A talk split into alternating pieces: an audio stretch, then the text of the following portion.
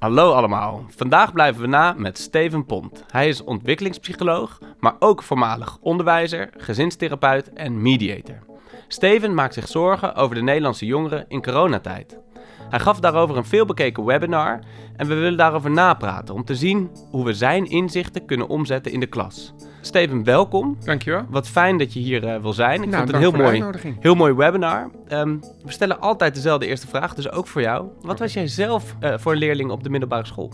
Ik was een vrij makkelijke leerling, omdat zowel mijn vader als mijn moeder zaten in het onderwijs. En dus de vrienden van mijn ouders waren ook allemaal leerkrachten. En ik vond dat wel uh, oké okay, volk. Dus um, heel veel kinderen, leerlingen die vinden dat toch een beetje um, nou, op afstand. En wie zijn dat? Machtsfiguren. En dat had ik helemaal niet. Dus ik heb daar. Uh, ik was niet een opstandige of ingewikkelde leerling. En je, je wist ook wat de bedoeling was, waarschijnlijk. Nou ja, dat als je. Ja, nou, ik, ik ja, ja, wist ik wat de bedoeling was. Ja, maar dat weten opstandige leerlingen natuurlijk ook. Precies. Hey, en uh, hoe kom je dan uiteindelijk tot uh, ontwikkelingspsycholoog? Nou, ik ben begonnen uh, uh, in het onderwijs en toen was ik eigenlijk meer geïnteresseerd in, in drie leerlingen dan in dertig. En uh, dus toen dacht ik, oké, dus ik ben meer geïnteresseerd in, in individuen dan in, dan in groepen. Dat is later wel weer veranderd overigens, want toen ben ik systeemtherapeut geworden. En de systeemblik, die kijkt juist heel erg naar de rol van de omgeving op individueel gedrag. Ja, want kan je me uitleggen wat nou het verschil precies is uh, tussen een ontwikkelingspsycholoog en een systeemtherapeut? Ja, nou, een ontwikkelingspsycholoog die kijkt eigenlijk heel erg naar de individuele ontwikkeling. En de systeemtherapeut kijkt meer naar wat, wat de rol is van het gedrag uh, op, uh, op, op kinderen of op, in klassen. Of, dus je kan bijvoorbeeld verlegen geboren worden. Ja. Gewoon omdat dat is normaal verdeeld, hè, gedrag. Dus sommigen worden wat meer verlegen geboren, anderen worden wat minder verlegen geboren. En dan is dat je natuurlijke staat. Maar je kunt door het systeem ook verlegen worden gemaakt. Door allerlei ervaringen daarop te doen. Dus dan is dat niet authentieke verlegenheid, maar is het reactieve verle verlegenheid. Dus dan is dat door je ervaring. Je ziet het niet aan de verlegenheid zelf af natuurlijk. Ja. Hè? En hetzelfde geldt voor alle andere uh, of voor heel veel andere gedragingen. Van is dit nou verworven door ervaringen in je, in je systeem, hè, dus je relationele omgeving? Of is het een authentieke, uh, een authentiek kenmerk van jou, ongeacht? Ja, en, en die dingen zullen ook altijd.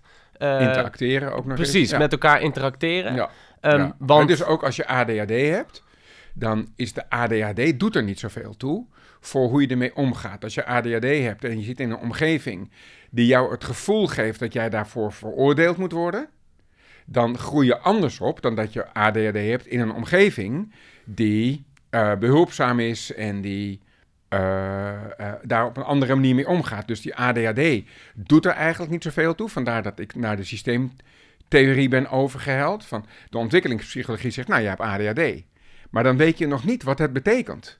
Want een kind met dezelfde mate van ADHD in het ene systeem groeit, daar groeit een ander mens uit dan ook met ADHD in het andere systeem. Juist, ja, want uh, uh, er wordt wel eens gezegd ADHD bestond vroeger niet, maar Nee. misschien is het eigenlijk zo dat steeds niet, systeem eh, bestond vroeger niet.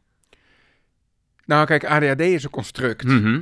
Dus het ADD bestaat in die zin niet. Net zo goed als een meter niet bestaat. Ja. Het dus afstand bestaat. En wij hebben een maat nodig. Dus hebben we een meter voor genomen. Maar we hadden ook eh, yard of foot kunnen nemen. Dus ingewikkeld gedrag bestaat. Wij hebben dat ADHD genoemd. Maar daarmee bestaat het niet in de werkelijkheid. En is het ook niet zo dat dat ingewikkeld is sowieso door andere mensen eh, bedacht dat het ingewikkeld is? Nou ja, het is ingewikkeld gezien het systeem waarin je dat gedrag vertoont. Kijk, dus als jij ehm, eh, heel erg druk bent en je wil allerlei dingen doen en je groeit op in een indianenstam, eh 200 jaar geleden, zal niemand dat probleemgedrag hebben genoemd. Alleen als wij willen dat je stil zit en stof tot je neemt, dan wordt datzelfde gedrag een probleem. Ja. Dus dingen zijn nooit iets op zichzelf. Dus als ik, als ik aan jou vraag, is 17 veel? Ja, Nou, eh, Erik, geen idee. maar. Is 17 nou veel? Kom op. Je kent toch 17? Dat ligt er. Als we Is hier het veel? 17 mensen op dit moment in deze ruimte hadden, was het wel wat te veel, ja. Ja. Ja, maar 17 mensen in de arena is weer wat weinig. Precies. Dus, je, dus eh, dat gedrag krijgt pas een betekenis in, oké, dus we willen dat je stil zit en dat je wiskunde leert. Dan wordt dit gedrag een probleem. Voor een indianenstam zijn hele rustige kinderen die met hun rug tegen de totempaal geschiedenisboekjes zitten te lezen, is voor de indianenstam probleemgedrag. Ja, dat is Want er moeten bizons opgejaagd, er moeten fikjes gestookt, er moeten tenten opgebouwd. Uh, uh, dus het is altijd gerelateerd aan iets. Hè, Ja. Dus bijvoorbeeld ook uh, Toon Hermans, dat is een hele oude cabaretier van... eh, Ik ken hem, ik ken hem. Jij kent Ja. hem heel goed. En die, hè, dus die, die stelde zichzelf de systemische vraag: zijn drie haren veel? En toen kwam hij tot de conclusie: op je hoofd niet, maar in je soep wel. dus al- alles wordt altijd gerelateerd aan iets. Ja, Nou. oké. en eh, dan snap ik wat je, wat je doet. Oké. En ehm, dat is ook duidelijk. En ook iets waar leraren eigenlijk altijd bewust van moeten zijn natuurlijk. Ja, precies. Hè? Dus bijvoorbeeld de, de, de clown in de klas. Is die ook een clown op de tennisclub? Ja. En is hij een clown thuis? Dan is het pervasief. En pervasief wil zeggen eh, van PDD-NOS, van Pervasive Developmental Disorder Not Otherwise Specified. Die P staat voor pervasief. En pervasief wil zeggen dat het alle leefgebieden zichtbaar is. Dus je kunt niet zeggen hij heeft ADHD, maar hij heeft niet ADHD bij zijn opa en oma. Wel op de tennisclub, niet op school, maar wel thuis. Dan is het situatief.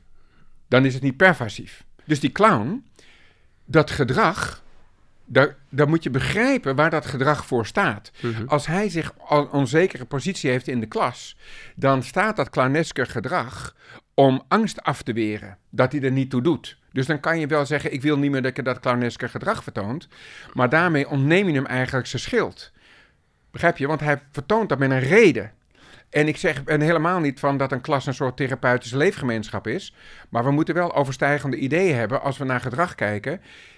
Heeft het een functie voor dit kind? Of, of is het het ontwikkelingspsychologisch ingebakken in, in zijn wezenskenmerk? Ja, ja, wij zitten op dit moment in de rapportvergaderingen. En dan kom je heel vaak erachter ehm, dat een leerling bij de ene collega Juist. zich eh, zo gedraagt en bij de andere collega zich Ja. totaal, Totaal anders, anders, gedraagt. En dan, eh, dan ben je met elkaar een gesprek aan het voeren en vraag je af, hebben wij het wel over hetzelfde kind? ja. Eh, over- overigens iets wat je heel vaak hoort in rapportvergaderingen. Ja. Hebben wij het over hetzelfde kind? ja. En dat, dat is best wel een... eh, Ik gebruik dit, precies dit voorbeeld ook vaak in mijn lezingen. ja, En zeg, het lijkt wel alsof er twee pimmen op school rondlopen. En de werkelijkheid is, er lopen ook twee pimmen op, rond, op, op school rond. Namelijk één pim bij de lerares Frans en één pim bij zijn gymdocent. En dat zijn verschillende eh, wezens in zekere zin. En Steven, dan het onderwijs in, de klas in. ehm, want dat is dus zo'n systeem hè, Ja, waar, eh, waar, waar onze kinderen in zitten. Ja? Ehm, en dat moeten we dus ook als zo'n systeem zien. ja, dus een systeem wil zeggen dat de mensen die in dat systeem zitten allemaal invloed op elkaars eh, gedrag hebben. En dus als je individueel gedrag wil snappen, dan kun je inzoomen en dan kom je bijvoorbeeld uit op ADHD of dan kom je echt, dat zit in dit kind. Maar als je uitzoomt, zie je ook dat bepaald gedrag een functie kan hebben in het systeem. Juist. En dat is ook de reden waarom jij eh, geïnteresseerd bent in dat systeem school waarschijnlijk. Hè? Precies. Ja. Nu zitten we in een coronacrisis. Ja. Ehm, en wat ik heel interessant vond, eh, is dat jij zegt van ja, die coronacrisis komt voor jongeren eigenlijk bovenop de crisis die ze al altijd meemaken. Ja. Ehm, dat dat eh, concept crisis, Ja. kan je dat voor me verduidelijken? ja, crisis heeft in de ontwikkelingspsychologie een positieve connotatie. Ja. En waarom? Omdat je zit een crisis, dus je zit in een vrij rustige fase. Dus laten we zeggen, je woont in het ene huis en je wil naar een ander huis. En daar wil je ook weer rustig wonen.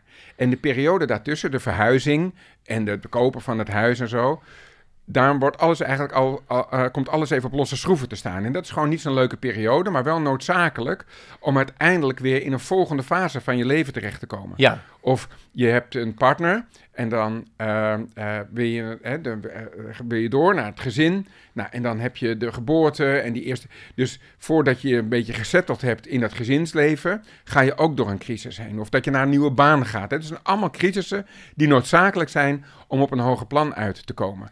En wat is nou de crisis van de puber? De puber is een kind en die moet naar het. Die moet, de volgende fase is die van de volwassenheid. En die periode, dus die rommelige periode tussen die twee vrij stabiele perioden, Ja. dat is de puberteit. En dat is dus een crisis waarin eigenlijk eh, alles op losse schroeven komt te staan. Hè? Dus je wordt ook helemaal verbouwd. Maar tijdens de verbouwing gaat de verkoop natuurlijk gewoon door. Hè? Dus de verkoop van gedrag gaat gewoon door. En dat is heel ingewikkeld, omdat er van binnen allerlei heel ingewikkelde dingen gebeuren. En systemisch natuurlijk ook allemaal heel erg ingewikkelde dingen gebeuren. Je moet bijvoorbeeld ervoor zorgen dat je je ouders en de volwassen wereld überhaupt een beetje op afstand zet. Ja. Dus als je heel jong bent, dan is meester Hans is een grote held. En je vader en moeder kunnen ook niet stuk. En dan ben je een jaar of 12, 13. En dan duw je je volwassenen, die duw je wat naar de achterkant. En waarom? Omdat je ruimte om jezelf heen nodig hebt omdat daar leeftijdsgenoten terecht moeten komen. En waarom? Omdat die leeftijdsgenoten, die nemen je tweede socialisatie ter hand. Dus je hebt één keer ben je opgevoed door je ouders, maar je moet er niet aan denken dat je op je achttiende erachter komt dat je precies door degene geworden bent die ouders voor jou hebben bedacht. Je moet veel meer, om een eigen identiteit te ontwikkelen, moet je afkijken bij leeftijdsgenoten. Eh, evolutionair gezien zitten daar ook de mensen bij met wie je schouder aan schouder de mammoet eh, moet vellen. En je toekomstige levenspartner zit waarschijnlijk ook in die groep. Dus die volwassenen worden naar de achterkant geduwd. Er ontstaat ruimte, daar komen die leeftijdsgenoten in. En, eh, en, daar, en aan de hand van het contact met die leeftijdsgenoten, via het beroemde chillen, ga je dus op zoek naar een eigen identiteit. Dus chillen is hard werk in psychosociale zin. Eh, dus als wij, naar een wij gaan zitten met z'n tweeën op een terrasje, dan is dat heel anders, omdat wij zijn al volwassen mannen en redelijk uitontwikkeld op dat identiteitsvraagstuk. Maar als je daar nog middenin zit, moet je dus heel veel contact hebben met leeftijdsgenoten om je eigen identiteit op te bouwen. Maar deze crisis, die weerhoudt je ervan om veelvuldig contact te hebben met je leeftijdsgenoten. Dus je identiteitsontwikkeling, die wo- wordt ook een stuk moeilijker als je eh, zo weinig van je leeftijdsgenoten ziet. En je hebt de volwassen wereld al een beetje naar de achtergrond geduwd. ja, want de crisis houdt onze kinderen thuis. Eh, De nu- coronacrisis, ja. Ja, precies. Ja, eh, moet wel duidelijk maken inderdaad. Wat kunnen wij dan doen eigenlijk? Als wij als scholen zeggen van ja, en als leraren zeggen van ja, wij, wij zijn een systeem wat tot doel heeft om die kinderen een fijne toekomst te geven. ja. Ehm, wat kunnen wij dan doen om deze crisis te bestrijden? Ehm, allereerst erkennen eh, dat het- lastig is voor deze eh, leeftijdsgroep. Eh, het dragen van last vermindert. De draaglast vermindert. Als je erkenning krijgt voor de draaglast, als mensen zien, dit is echt een, een lastige periode. Sorry, een lastige periode. En tegelijkertijd proberen we dat zoveel mogelijk te doen.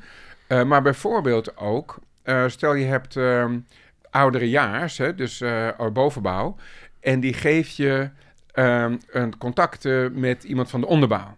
Dus bel diegene eens twee keer per week. Ehm, hè, eh, want die zit natuurlijk ook alleen thuis. En de beho- behoefte aan verbinding, dat wil niet alleen zeggen dat mensen zich ook aan jou moeten verbinden, maar ook als jij actief je verbindt met anderen, dan eh, ontwikkel je daar ook door. Ja. Dus we moeten in een crisis kun je niet hetzelfde blijven doen, waar, want het is nou net een crisis. Dus we moeten een beetje creatief zijn in dingen verzinnen, ehm, om, die, o- o- om te weten hoe we die ontwikkeling, waar zij dus middenin zitten in die crisis, hoe we die het beste eh, zo optimaal, maximaal lukt niet, maar wel zo optimaal mogelijk eh, kunnen stimuleren. En jij zegt het, gaat, het moet vooral gaan over kinderen eh, onder elkaar. Ja, Want dat is die nieuwe peergroep waarmee ze, Ja, eh, ja, nou ja, de, dus wat ma- ik de ook man moet dood gaan schieten. een andere school, is dat stel je met een mentor, je hebt 25 leerlingen in de klas, dan doe je, heb je maandag tussen half drie en half vier vijf leerlingen. En dan praat je niet over de lesstof, maar praat je gewoon over, hey, hoe is het? En ehm, eh, kunnen we je ergens mee helpen? Hè, dus alleen die vragen al, kunnen we je ergens mee helpen, is heel wat anders dan dat ik zeg, weet je, je moet gewoon dit doen en je moet gewoon dat doen. We zitten allemaal voor het eerst in deze coronacrisis, niemand weet hoe het moet. Dus schakel jezelf zoveel mogelijk gelijk. En wel dat jij nog steeds de volwassene blijft en verantwoordelijk blijft voor het contact. En dan dinsdag heb je weer vijf andere leerlingen. En woensdag heb je. En zo heb je elke week, in ieder geval even, al is het maar tien minuten, even contact op een, op een pedagogisch gebied in plaats van op het didactisch gebied. Ja. Er zijn ook heel veel mensen die zeggen: wacht even, eh, de leerlingen lopen nu juist enorme achterstanden op. Ja. Eh, we moeten juist eh, zo goed mogelijk bezig gaan met dat cognitieve. Dat is waar. Kijk, het, het meeste wat je van het leven leert, leer je niet op school. Hè, dus we moeten school ook niet groter maken dan, het, dan het is. Ehm, school is heel belangrijk voor de co- cognitieve ontwikkeling. Maar heel veel andere dingen eh, leer je helemaal niet op, op school of niet noodzakelijkerwijs op school. En ik sluit ook niet uit dat we de meest weerbare pubergroep nu eh, aan het klaarstomen zijn... die we in de afgelopen 40, 50 jaar eh, hebben Ja. gezien. Hè? Want dat is een mooi vooruitzicht als- eigenlijk. Ja, zeker. Ja. want die, die raken niet meer zo snel over hun theewater. als ze nog eens iets in hun, leven, in hun jonge leven tegenkomen. Want die hebben deze crisis gedragen. En zijn daar, denk voor het grootste gedeelte, komen die daar wel, ook wel weer oké uit. Nu hebben ze het heel moeilijk. Dan zijn ze somber. En, ehm, niet dus je moet oppassen om dat niet depressief te noemen. Want somberheid is een hele normale respons voor eh, als je te weinig sociale contacten hebt. En we hebben net vastgesteld dat het hebben van sociale contacten nu net zo ontzettend belangrijk is. Eh, en dat ontnemen we ze dus. Nou, en, en dan reageer je daar somber op. Dat is eigenlijk een hele gezonde reactie. Het is eigenlijk, zou je kunnen zeggen, de honger van het sociale brein. Hè? Dus als Ja. je lijf honger heeft, dan, of je- als je lijf te weinig brandstof heeft, dan creëer je honger. Die honger vind je vervelend, maar als je weer gaat eten, het zet je wel aan tot eten. Nou, en die somberheid zet in de normale wereld, zet je aan, hey, je moet wat gaan doen, weet je wel. Je, je moet weer sociale contacten op gaan doen. En je, je hebt het nu over, over somberheid en ehm, nou, ook nog wel een, een mooi vooruitzicht van, nou, misschien gaat deze generatie het wel goed doen. Maar dan merk ik ook wel, en ik, daar had je het ook over ehm, in, die, eh, in dat webinar, ehm, dat in zo'n crisis eh, zeggen veel mensen, ja, het kan gebeuren dat je, eh, dat je gaat vluchten of gaat vechten. Dat zijn veel, vaak crisisreacties. Maar jij noemde nog twee en toen dacht ik onmiddellijk, ja, dat, dit, doen, dit doet een aantal van mijn leerlingen. Oké, Ehm, want je zei, sommigen verstijven ja. en sommigen verdoven. Dus vechten, vluchten, die hebben een hele goede pers. Ja, klopt. En eh, die andere twee, daar is iets mis mee, maar ik Ja. weet niet wat precies wat. Maar dat doen mijn leerlingen veel vaker, heb ik het Ja. idee. Dat, dat eh, verdoven en verstijven. Ja. Want wat zie je dan? Nou, verdoven, daar heb je natuurlijk drugs voor. Ja. Dus dan. eh, en verstijven is, is gewoon niks meer doen. Ja. Hè, dus in vluchten zit nog enige activiteit. Maar verstijven is gewoon in je bed blijven liggen. Is, is echt inertie. Hè? Dus is geen, geen beweging meer eh, eh, in te krijgen.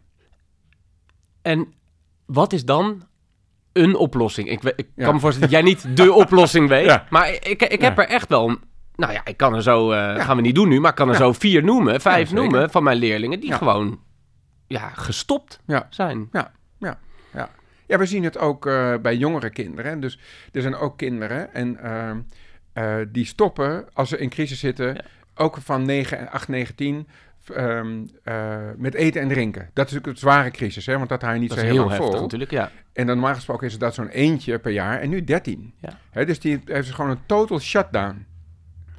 Ehm, kijk, wat we kunnen doen, het belangrijkste blijkt toch altijd weer, en het is een beetje platgetreden pad, maar dat je eerst zorgt dat je binnenkomt. Ja. Dus eh, dat je eh, binnen, dat je jezelf eh, eh, toegang verschaft tot, tot die leerling. En dat bedoel ik niet alleen qua contact van hebben we elkaar aan de telefoon, maar zodra we komen met, weet je wat je, weet je, wat je moet doen? Zodra ze voelen dat we er te veel druk op zetten, dan zijn we op een nat stuk zeep aan het drukken. Hè, dus dat schiet weg. Ja. En je hand op die zeep leggen en, en niet al te veel willen, zo van, en die druk verhogen, eh, maar gewoon contact maken. En, en ik, ik hoor mezelf zeggen, ja, contact maken. Maar bijvoorbeeld, ik zal, ik zal een tip geven. Gewoon, dus stel een, een, een, ehm, een, eh, een leerling zegt, ik wil stoppen met school. Zo, en dan is er een natuurlijke respons, ja, maar dat kan dus niet. Ja, dat is niet de bedoeling. Dat kan niet. En dan weet ik al één ding. Wat denk je dat er met een stuk zeep gebeurt? Ja. Want de druk is te groot. Maar je moet je hand er alleen maar op laten liggen. En een truc eh, is dat je de zin van die leerling verlengt. Wat had, hoe had hij die zin nog af kunnen maken? Maar die tekst, die pik je van hem. Dus ik zal een voorbeeld geven. Dus een kind zegt, een leerling zegt, ik ga, ik ga echt niet meer naar school. En dan denk je, oké, dus hij, zou, ha- ha- hij had gezegd kunnen hebben, want het heeft toch geen zin. Juist. En dan neem ik die zin van hem over. Dus hij zegt, nou, ik ga toch niet meer naar school. Ik zeg, oké, want je denkt, het heeft toch geen zin. Ik leg alleen maar hand op die zeep, hè. Ik zeg niet, maar dat kan niet, want je hebt leerplicht. Denk je nu echt dat als ik zeg, ja, dat kan niet, dat je, want je hebt leerplicht, dat hij zegt, oh, ja, sorry. Ach, Verdomde sorry, leerplicht. Ja. oh, sorry, pardon, ja. Nee, ja, je hebt gelijk. Ja. Dankjewel. Nee. Dus het is mythisch denken om te denken dat als ik advies geef, of als ik richting bepaal, of als ik de druk verhoog, dat ik het contact dan verstevig. Terwijl de name of the game is eerst helemaal toegaan naar de plek waar die leerling zit. Juist. Dus dat helemaal uitvragen. Want dan zegt hij bijvoorbeeld. eh, ja, want eh, ik zie op eh, YouTube mannen en die verdienen heel veel geld. En die hebben hun middelbare schooldiploma niet afgemaakt. Denk je, oké, hoe had hij die zin verder kunnen eh, afmaken? Eh, dus school is daar kennelijk niet noodzakelijk voor. Zeg ik, oké, dus jij denkt, school is daar dus kennelijk niet noodzakelijk voor. Nee, inderdaad.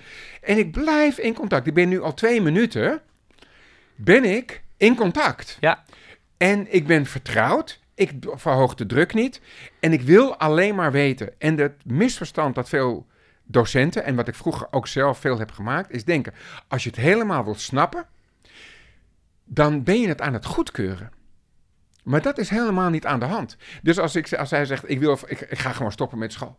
Zeg van: eh, oké, want je denkt het heeft toch geen zin meer. Dat ik dan denk: ja, maar nu ben ik het dus aan het goed praten voor Mhm. hem. En dan pakt hij mij later. Want jij hebt gezegd: dat is nooit, nooit, me nog nooit gebeurd. Het enige wat er is, is dat iemand, dat zo'n leerling is wat rechter gaat zitten en denkt, verrek. Dus ik krijg niet, ik zeg A, en in de pedagogiek is het antwoord heel vaak niet A. Ik wil van school af, je mag niet van school af. Terwijl je kan ook vragen, waarom A? Ga eens helemaal naar A. En pers die sinaasappel, of die citroen als het een beetje zuur is, pers die, pers die is helemaal uit. Juist. En als die helemaal is uitgeperst, dan kan jij altijd nog met jouw verhaal komen. Ja. En, en als een leerling zegt, ehm, ik ga het nog een stapje erger maken, maar dat Ja? is alleen maar omdat dat ik denk dat dit hele goede tips zijn. Ehm, als een leerling nu zegt, ja, ik heb er helemaal eh, gewoon geen zin meer in. Die hele lockdown.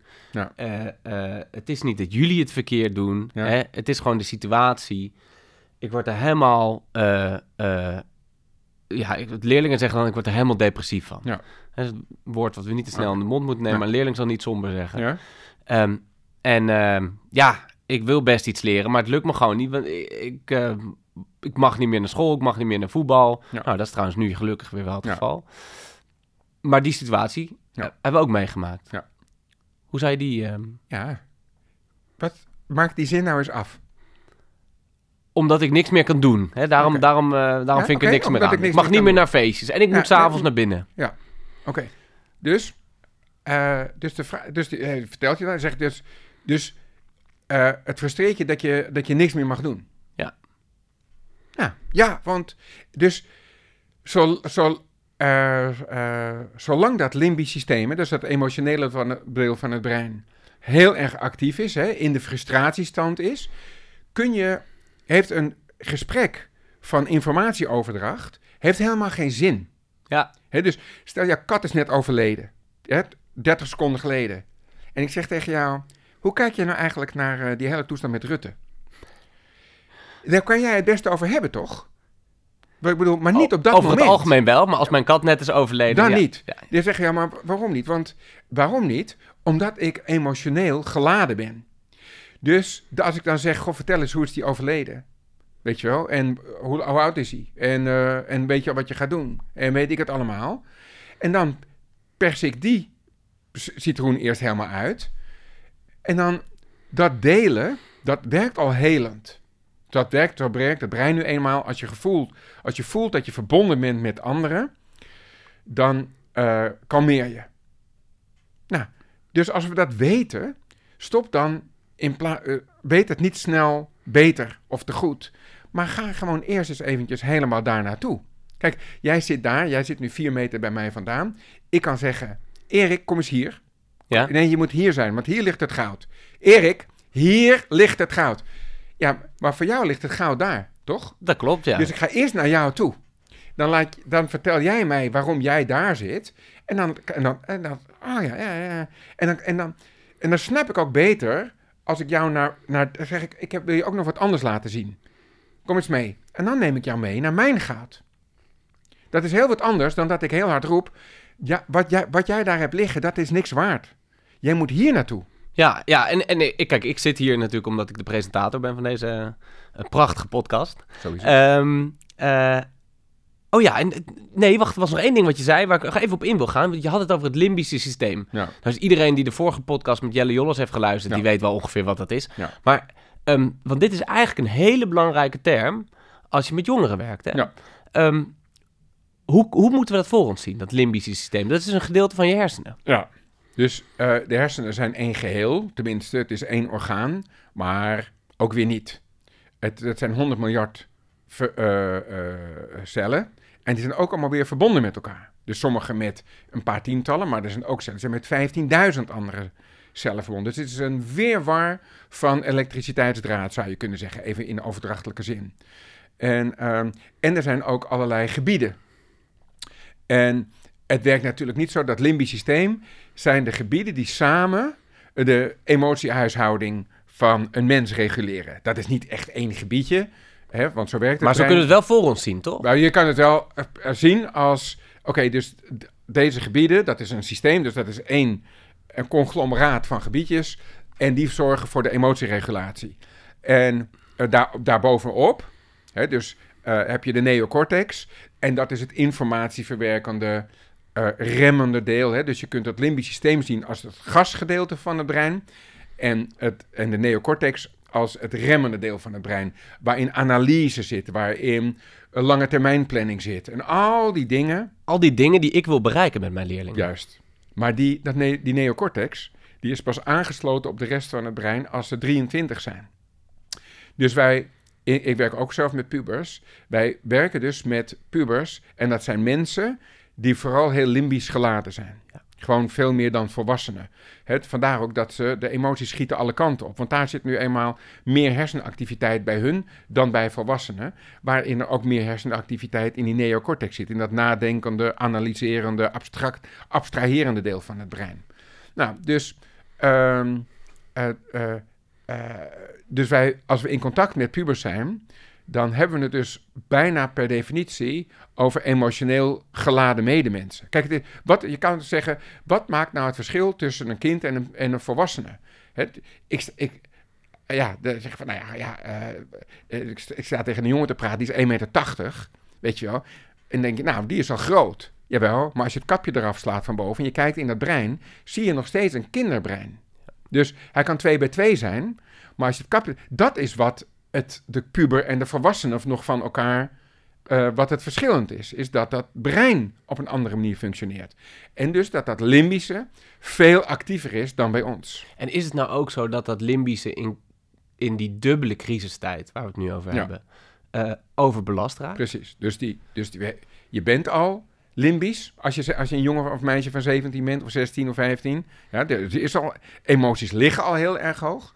En dan in die crisis van de corona, hè, dus in een, in een kalme omgeving verder, is dat de enige crisis waarmee je te maken hebt.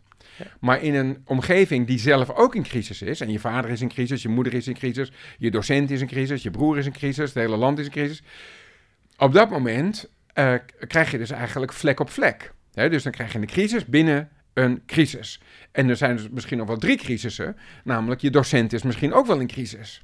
Hè, omdat, omdat hij thuis ook twee zonen heeft die in crisis zijn. Dus, dus het, het versterkt elkaar daardoor allemaal vrij sterk. Ja, of om, omdat hij ontzettend onbevredigde, onbevredigende online lessen moet, eh, moet voorbereiden. Wat, eh, wat helemaal niet zo leuk is als gewoon echt lesgeven. Ja, hè, dus dat zie je bijvoorbeeld bij de eh, zelfdeterminatietheorie. De zelfdeterminatietheorie is een motivatietheorie.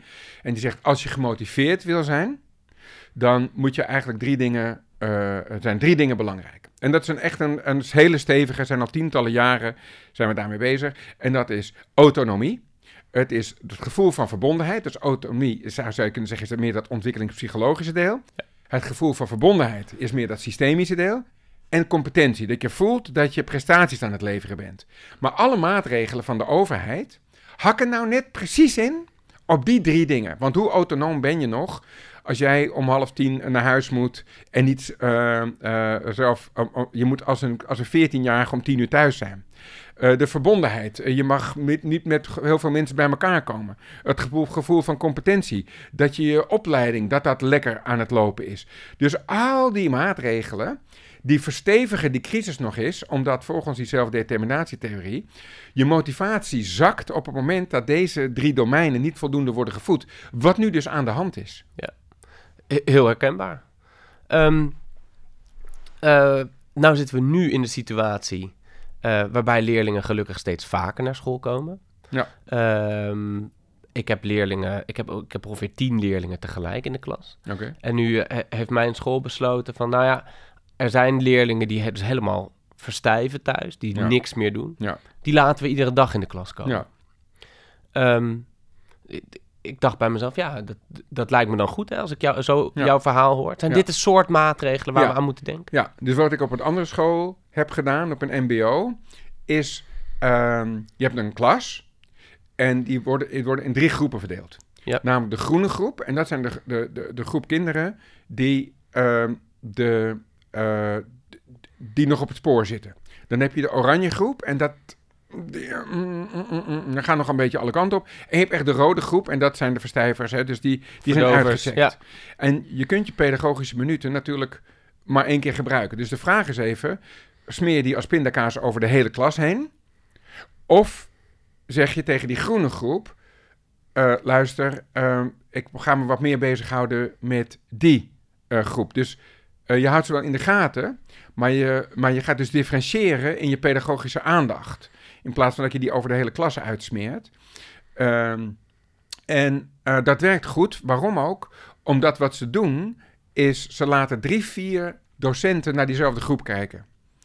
Kijk, dus ik kan Rachid wel zien als in de rode groep horend. Als vier van mijn collega's dat niet zien, dan heeft dat misschien iets met mij en mijn relatie met Rachid te maken. Of je vak.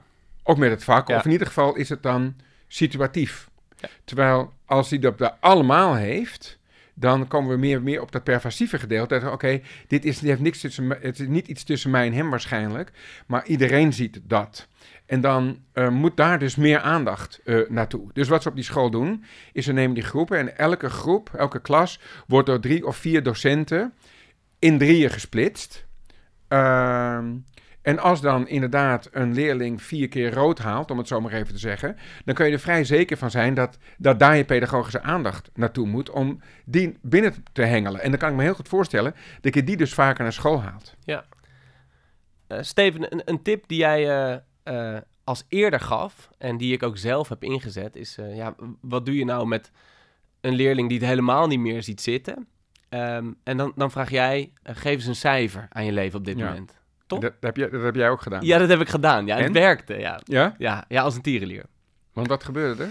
Nou, ehm, misschien eerst even uitleggen hoe het werkt. Je- Oh ja, zal ik dat? Ja, ja, doe dus, jij dat. Dus je vraagt aan een leerling en hij zegt, nou, dat is een 4. Ja. En dan kun je twee kanten op. Deze leerling zei trouwens een 2,5. een Maar 2,5, goed, oké. Ga door, ja. Ah, we, eh, we blijven, dus, nou, 2,5. En je zegt, oké, eh, wat is er nodig voor een 3? Dus we gaan niet meteen naar de 6, maar gewoon wat is er... Maar je kunt je ook afvragen, waarom is het geen 2? Ja. Hè? En dan moet een leerling dus eh, iets positiefs gaan vertellen. Zeggen van, nou, ik heb dit wel en dat wel en dat wel. Oké, en, dan, en dan voelt hij eh, nou, dat, dat, er, dat er toch bepaalde dingen toch wel zijn. Ehm, nou, en, en, en daarna kun je zeggen, oké, wat, wat is er nodig om, om het iets te verhogen? Ja, wat het mooie is, wat er gebeurde, ehm, is dat ik merkte dat het, de richting veranderde in het gesprek. Oké, Dus we waren het aan het hebben over, ja, wat er allemaal niet kon, ja, wat er allemaal niet werkte, ja, eh, wat er allemaal misging. Ja. En we gingen het veel meer hebben over de vraag, ja, welke kant gaan we op en hoe kan dat, al is het maar een heel klein beetje. Ik, Precies. ik vroeg hem, ik vroeg hem eh, hoe kan het een 2,51 worden? ja, precies. Een heel Ja. klein beetje beter. Want richting is belangrijker dan snelheid. Ja. Hè, dus je, als het maar de goede richting in is, dan is dat belangrijker dan dat het snel gaat. Ja, en wat dat betreft zitten we op dit moment natuurlijk wel in een tijd waarvan we... We hebben duidelijk perspectief. Het gaat niemand snel genoeg en Nee. eh, er zijn de hele tijd tegenslagen. Ja. Eh, maar de richting is in ieder geval... Ja. Als het goed is, goed. Ja. Maar dat zegt nog niks over, het in- over iemands individuele leven Ja. natuurlijk. Dat is waar. Dat is waar. Als ik het goed begrijp, eh, eh, jij werkt dus met zo'n MBO ook samen. Werk je ook veel met middelbare scholen Ja. samen? Ja. Ehm, en als mensen nou meer van jou zouden willen weten, als ze, als ze denken van hé, hey, eh, wat die Steven Pont net Ja. eh, allemaal heeft lopen verkondigen, Ja. eh, ik moet dat ook binnen mijn school of ik wil, ik wil daar meer van weten. Wat, wat kunnen ze dan het beste doen? Dan kunnen ze best even contact met me opnemen op stevenpont.nl. Ja, ja, precies. Eh, Op jouw website, ik vond dat jij een ontzettend handig filmpje op je website had, ook om precies uit te leggen wat je nou doet. Nou, dan moeten mensen zelf maar gaan kijken, maar over verlegen mensen. Ja, het, ja. Ehm, hartstikke bedankt, Steven. Ik heb het graag gedaan. Dankjewel voor Het de was- ontvangst. Het was heel eh, eh, verduidelijkend. Ik hoop dat we snel eh, uit deze crisis zijn, zodat we er nog maar één en eigenlijk de goede Ja, overhouden. ja, dat is geen slechte... Daarom is het crisis in ontwikkelingspsychologische zin. Want je, je moet door die crisis heen om volwassen te worden. Ja, ik dat ga ik echt meenemen. Ik vind dat een, een, een heel goed inzicht. Dan was dit Nablijven Met. Een podcast van de VO-raad in het kader van voortgezet leren. Aan deze podcast werkten mee Jesse van den Doren en Leslie Breem. Die ik nog heel graag extra speciaal wil bedanken ehm, voor het afgelopen jaar podcast maken. Dankjewel Jesse, dankjewel Leslie. Ehm, heb je nog vragen aan Steven Pont? Dan kan je die stellen via Eduwaldo. De plek waar leraren en schoolleiders elkaar vragen kunnen stellen. Steven Pont zal hier de komende twee weken vragen van luisteraars beantwoorden. Voor vragen, opmerkingen of suggesties over de podcast kunt u altijd mailen met info.voortgezetleren.nl